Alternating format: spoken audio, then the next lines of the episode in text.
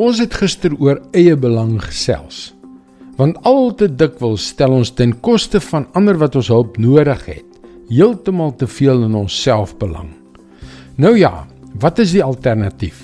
Hoe leef ons anders? Hallo, ek is Jockey Gouchee vir Bernie Diamond en welkom weer by Vars. Ek weet nie of jy al gevoel het asof al daardie godsdienstige dinge waarvan die Christene so ophef maak baie ver van die realiteite van die lewe hier in die 21ste eeu verwyderd is nie. Dit pas regtig nie in by vandag se besige lewe. By die werk en by die huis en tussen die spanning in jou gesin en die probleme met jou finansies nie. Maar nee, dis nie waar nie. Veral wanneer dit kom by 'n lewe wat nie om diself wentel nie, maar een wat ander mense se lewens op 'n ryk, betekenisvolle manier raak. Dit is waarvan Jesus gepraat het toe hy dit gesê het in Johannes 13 vers 34 en 35. Ek gee julle 'n nuwe gebod. Julle moet mekaar lief hê.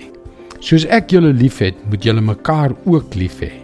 As julle mekaar liefhet, sal almal weet dat julle disippels van my is. Miskien is daardie woorde so bekend dat dit maklik is om dit ligtelik op te neem.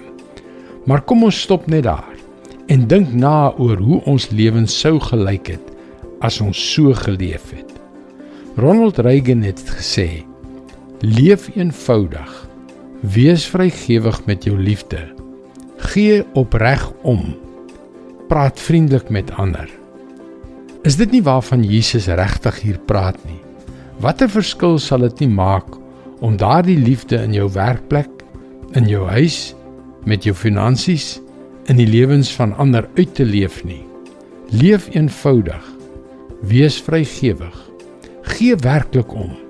Praat mooi. Dit is God se woord vars vir jou vandag. Wanneer God praat, vul hy ons met die krag om 'n buitengewone lewe te lei. Dis hoekom jy gerus na ons webwerf varsvandag.co.za kan gaan om in te skryf om daagliks 'n vars boodskap in jou e-posbus te ontvang. Wanneer jy inskryf, kan jy ook die gratis e-boek Standvastig in onseker tye ontvang.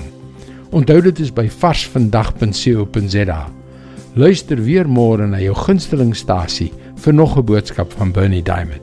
Seënwense en mooi loop.